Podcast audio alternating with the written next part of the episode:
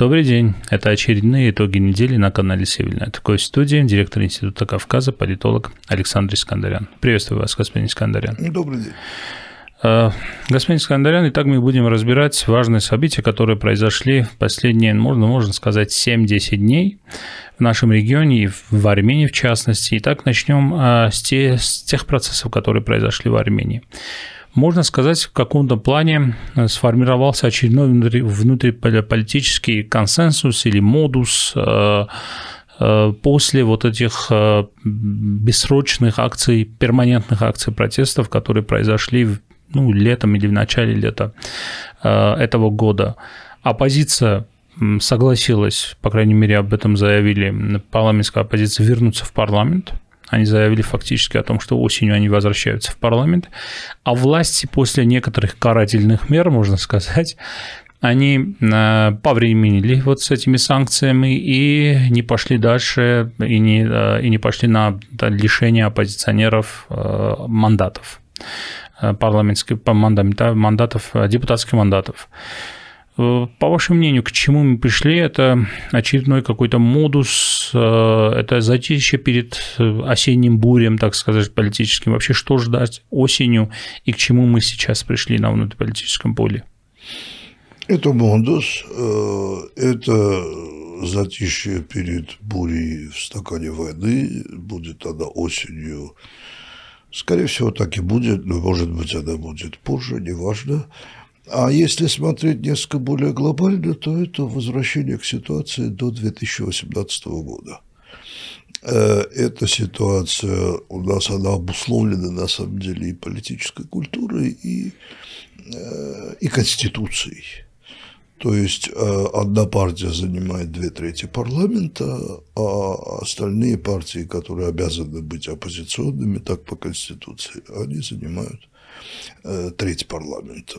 Раньше это были республиканцы, теперь наоборот. Но не важно, важно то, что э, правящая сила, любая правящая сила, имеет возможность э, не обращать внимание но на оппозицию в плане принятия решений. Не договариваться того, что, с оппозицией. Да, не договариваться, игнорировать, ну давайте так, да, то есть решения они могут принимать без них. Decision making, то есть то, то что называется по-английски принятие решений, можно, можно осуществлять без оппозиции. Оппозиция же имеет право и, и возможность критиковать, иногда очень бурно, иногда очень радикально, там, по-всякому высказываться, иметь свое медиа там, и так далее, и так далее, но она не имеет возможности влиять на политику. В такой конструкции две вещи очевидно возникают. Первое – это постоянные какие-то кризисы в самом парламенте, ибо парламент ну, не, не очень соответствует своему назначению. Да? По идее, в парламенте должно происходить выработка там, законодательных актов, актов при участии не только правящей силы, давайте скажем так. Да? И, и поэтому вот постоянные там разногласия, иногда доходящие до, до, до мортобития и, и ругательств, это, в общем, довольно естественная вещь. И второе, ну, свято место пусто не бывает, и вода свой путь находит, когда вытесняется политика. Из политики она идет еще куда-то, ну, в данном случае на улицу. То есть уличные акции различного вида, типа, размера и так далее, это уже часть армянской политической культуры. Это происходит всегда, ничего нового в этом совершенно нет. Это было, начиная вот буквально прямо с 88 года, даже еще независимой Армении не было. И, э, ну, сейчас договорю, извините, да, еще 10 секунд. Но так как у оппозиции в силу тех причин, о которых я сказал, уже нет возможности, по крайней мере сейчас, э, раскрутить эти протесты до такого размера, чтобы они угрожали властям, то это такой маятник, который будет существовать. Глобально это так, ну, такое событие. А почему армянское партийно-политическое поле постоянно наступает на те же грабли? То есть сначала выдавливается политика из политики, а правящая власть берет все в свои руки, принимает все решения единогласно, можно сказать, то есть э, единолично, как это было в свое время с республиканской партией. Потом политика выдавливается из политики, потом начинаются социальные протесты, имея под собой политические причины на самом деле. Потом расширяется этот протест, и какой-то один, э, э, не партия, не система, не оппозиция, какой-то один человек выполняет функцию революционного лидера, так скажем, э, становится возбудителем всех этих процессов, и потом революционный исход ситуации, как, как это было в 2018 году. Сейчас мы наступаем на те же грабли? По двум причинам. Э, первая причина – это та причина, о которой знают любой человек, который занимается политической наукой, изучает политическую науку, э, или хотя бы ею всерьез интересуется, читает какие-то книжки.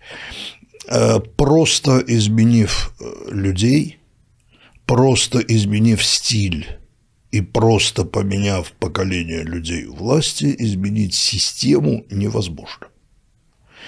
Если политическая культура остается примерно такой же, если люди выбирают не партии, не программы, а, а личность, ну, давайте говорить, называть вещи своими именами. В 2018 году после революции, если бы господин Пашинян вместо того списка, который он предложил для избрания, предложил бы 100% других людей, то результаты выборов были бы такие же. Если в 2021 году произошло бы то же самое, результаты выборов были бы, ну, примерно такие же. Потому что э, так устроена политическая культура. Люди э, ориентируются на личности, а не на какие-то другие обстоятельства. И вторая причина, исходящая, точнее, которая является причиной этого в том числе, ну, собственно, и причиной и следствием, как это обычно бывает э, в политике – да и не только. А, потому что у нас нет политических партий. Вообще нет. Те структуры, которые таковыми себя называют, ими не являются. Даже Дашник Сичон? Э, я не хочу говорить о конкретных партиях, да, то есть, э, ну, правящая партия, обычно любая правящая в, э, в Армении партия, да, это было а от э, в начале это были республиканцы, теперь это угу. вот та сила, которая сейчас у власти, назвая ее гражданским договором или им кальба, им шагом, неважно. Да. Это профсоюз чиновников. Это люди, которые идут э, в эту партию для того, потому что она находится у власти, и она чрезвычайно персонифицирована в силу этого, да, то есть это партия такого, такого лидера. Остальные партии представляют собой либо, опять же, группы людей вокруг э, лидера, очень они персонифицированы, уходит лидер, разрушается совершенно структура, да, это в истории Армении были такие, причем да. совсем недавно, когда вот человек один человек переставал заниматься политикой и разрушалась вся э, система, либо просто группа людей, объединенные каким-то общим интересом против чего-нибудь, не за, а против, э, либо клубы людей, там умещающихся на одном диване. Политических партий по-настоящему, в классическом смысле этого слова, нет. А выработать, создать политическую партию росчерком пера, просто указом, законом, там, я не знаю, какой-то положением или еще чем-то таким невозможно. Это то есть сейчас требует... можно сказать в Армении сейчас Пашинян или партия Пашиняна делает то, что в свое время делала э, республиканская партия, э, ставит или создает почву для будущих Э, пертурбаций политических, для будущих потрясений. Любая партия так делает, конечно. Когда республиканцы думали... революции. Когда, э, не знаю, революции или нет, mm. это, это может меняться, но то, что структура примерно та же, но это, по-моему, очевидно, когда республиканцы думали, что овладев техническими методами, научившись выигрывать любые выборы – они могут это делать вечно, они ошибались, этого невозможно делать вечно. Если у тебя э, легитимность такая низкая, э, что, что ты держишься просто на бюрократической легитимности, то рано или поздно на апатии. найдется какой-то человек, люди, я не знаю, группа людей, которые эту стенку достаточно технологичны для того, чтобы эту стенку пробить. У, у гражданского договора легитимность была безумно высокая в 2018 году, мы сейчас вернулись на круги своя. А они держатся на э, бюрократической легитимности и на том, что они Но определенная смогли... легитимность все-таки существует у них. Определенная они, существует. Они выиграли определенная выборы. существует. Ну, э, именно поэтому я думаю, что они продержатся у власти, если не будут форс-мажоров, еще достаточно долго. А, но вот сама вот сама конструкция слабая власть, слабая оппозиция, она довольно естественна. Для Ясно. Перейдем к другим внешнеполитическим темам, немаловажным для Армении. В том числе последние э, недели Азербайджан стал, можно сказать, не только Азербайджан, но а Армения тоже в этом плане, но а, особенно вызывает интерес то, что происходило в Баку, местом, куда приходили и российские, и европейские чиновники, приезжали или прилетали для того, чтобы договариваться с, с Баку по определенным э, вопросам. Э, был там э, европейский чиновник, глава, можно сказать, европейской, глава внешнеполитического ведомства, так скажем, Европейского Союза, да, и там с Баку они подписали документы, касающиеся энергетической отрасли, что Азербайджан будет наращивать подачу там, газа, э, энергоресурсов в Европу на фоне энергетического кризиса с Россией. И еще там, там были также российские чиновники, и я напомню, что впервые Первый посол из стран сопредседателей Минской группы ОБСЕ, это посол России, посетил город Шуши, который имеет важное символическое значение для армян, для азербайджанцев. Э, и э, там был также Нарышкин, глава э, службы внешней разведки России, подписали с Баку соглашение, касающееся вот разведданных и так далее. Какую роль и значение сейчас Азербайджан приобретает для внешних игроков, которые имеют важное значение для нашего региона, для Армении в Карабахе в частности, и чем это чревато для Армении и Карабаха. А также для, до этого в Баку был глава разведывательной службы Ирана. Да. А также, ну, скажем вежливо, в регионе был глава разведывательной службы Соединенных Штатов Америки. А, а также был визит на Ближний Восток президента Соединенных Штатов, причем с визитом в Израиль было непонятно до последней чуть ли не минуты, поедет он в Израиль э, или нет, но он поехал в Израиль, несмотря на то, что в Израиле в это время не было правительства и так далее. А, и еще и страны Персидского залива, что чрезвычайно важно в этой конфигурации. Вообще сейчас мы наблюдаем совершенно потрясающую вещь, которую представить было невозможно раньше, это нормализация и улучшение израильско аравийских отношений. Я имею в виду не Саудовскую Аравию, весь Аравийский полуостров, хотя и в Саудовской Аравии произошла чрезвычайно важная вещь. Теперь израильские самолеты могут над Саудовской Аравией летать. А это, это важно все. Что это означает? Это означает украинский кризис. Э, это означает, я намеренно говорю не э, война в Украине, а украинский кризис, потому что украинский кризис шире, чем, собственно, война э, в Украине. Украинский кризис – это кризис российско-западных взаимоотношений. А кризис российско-западных взаимоотношений приводит к коммуникационному тупику тупику и в буквальном смысле. Самолеты не летают, э, газ плохо идет по трубам, поезда не ездят и фуры не перемещаются да? на российско-западном приграничии, границе, как угодно. А, и в переносном смысле, то есть есть политический тупик, есть экономический тупик, есть энергетический тупик, не очень понятно, что делать. Пытаются искать другие пути. Э, эти пути искать не очень легко по географическим причинам. Ну, что-то происходит на Дальнем Востоке с российско-китайскими взаимоотношениями. Но кроме этого, единственный регион, через который можно коммуникационно и политически каким-то образом взаимодействовать, э, это, это Южный Кавказ. И э, Поэтому я думаю, что это не случайность, что все эти люди зачастили в этот регион. Да, это вряд ли может быть случайность, что вдруг все они решили купить билет.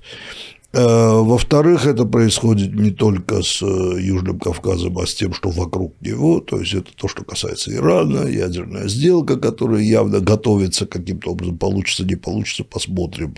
Это все, весь комплекс вокруг Турции, это и Сирия, и Южный Кавказ с Азербайджаном и так далее. И тут, ну, понятно, что каким-то образом идет э, работа над этим для того, чтобы выстроить какую-то систему, хоть и маленькую, хоть и не очень широкую дорожку, так сказать, тропинку, коридор, как угодно. Э, судя по всему, это и происходит. Для этого нужно и урегулирования армяно-турецких отношений. Явно работа над этим идет. Вот вы говорите важные события прошедшей недели. По-моему, вообще самое важное событие на прошлой неделе, которое произошло, это те сведения, которые я лично увидел о разминировании э, участка турецкой границы э, с Арменией, которая происходит со стороны Турции – Э, Турции. А Сардар Калач туда посетил? Да, да. Это, по-моему, самое важное событие в прошлой. То есть они реально готовятся к открытию границы, Очень, к выполнению да. тех договоренностей, которые были достигнуты. Есть, ну, договоренности достигнуты не было. Был меморандум, и меморандум довольно символический, на самом деле. Ну, договоренности, я имею в виду между Арменией и Турцией по открытию границы для, для, граждан, для граждан третьих э, Это стран. пока еще не договоренность, угу. это меморандум, это заявление, да, да. конкретики там. Почему я говорю разминирование? Потому что там не было конкретики, даже в комментариях, которые давал господин Рубинян, конкретики тоже не было. Говорил, ну, в общем, говорил, не знаю. А разминирование это, – это конкретика. Uh-huh. Это и работа над э, тем, что принято называть ну, как угодно, да, путепроводом, там, дорогой э, в Сюнике на юге Армении, в Армении так принято это называть, э, точнее, проекты, и в Азербайджане это принято называть Загезурским коридором. Да.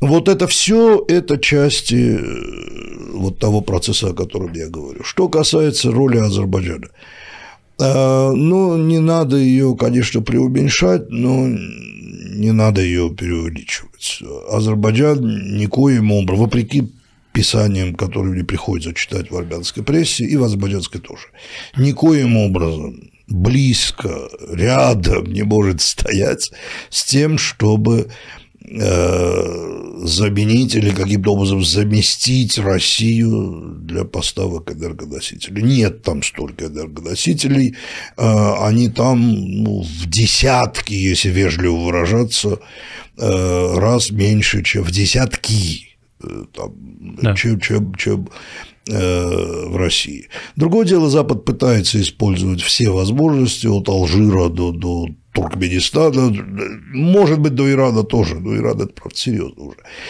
э, для того, чтобы каким-то образом выходить из того жесточайшего кризиса, который Западу, Западной Европе э, придется входить, и Азербайджан здесь играет э, какую-то роль. Это действительно увеличение внимания к Азербайджану, это действительно нивелирование тех проблем, которые связаны э, с Азербайджаном в смысле его э, внутренних проблем с демократией, там, воспроизводством власти и так далее, и так далее. А это действительно такая ну, прагматическая политика, которая будет э, проводиться, это надо учитывать, это надо понимать. Вы когда говорили после войны 2020 года, что регион динамично меняется, и на, этой, на этом регионе в Армении мало, мало что представить, то есть нам мало, мало что предложить э, в этом меняющемся, меняющемся регионе. Э, сейчас в Армении есть что предлагать в качестве игрока? А, регион меняется действительно довольно динамично. Теперь, после украинской войны, э, после начала украинской войны, войны в Украине, я бы сказал, что мир меняется, ну или как минимум Евразия меняется тоже чрезвычайно э, существенно. Вокруг нас идут э, процессы очень большой важности. Да? Мы можем в среднесрочной перспективе, не, не в краткосрочной, ну, там в перспективе там, 10 лет, 15-20 лет мы можем вынырнуть в совершенно другом регионе, не, не таком, который он был. Собственно, это довольно давно идет этот процесс, ну, сейчас да. в особенности.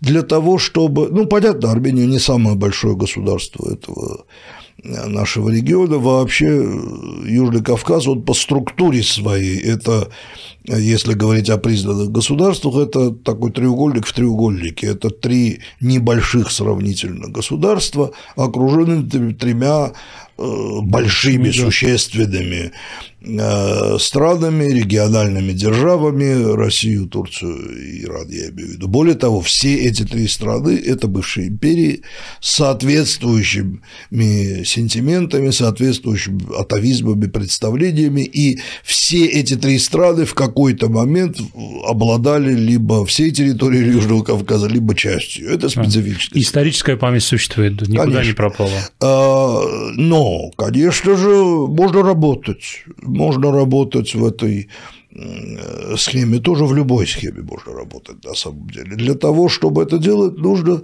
нарастить субъектность. После э, войны 2020 года субъектность э, Республики Армения сильно упала. Да? На нас гораздо меньше обращают внимание, мы гораздо слабее в смысле того, чтобы достигать своих целей, нам гораздо труднее, ну, условно говоря, в кавычках, накладывать век, вето на какие-то mm. проекты, которые идут. Нас гораздо сильнее заставляют чего-то делать для того, чтобы в этой э, игре за этим столом обладать своими картами, тоже нужно наращивать субъектность, а это касается укрепления э, основ государственности, которые должны происходить для этого.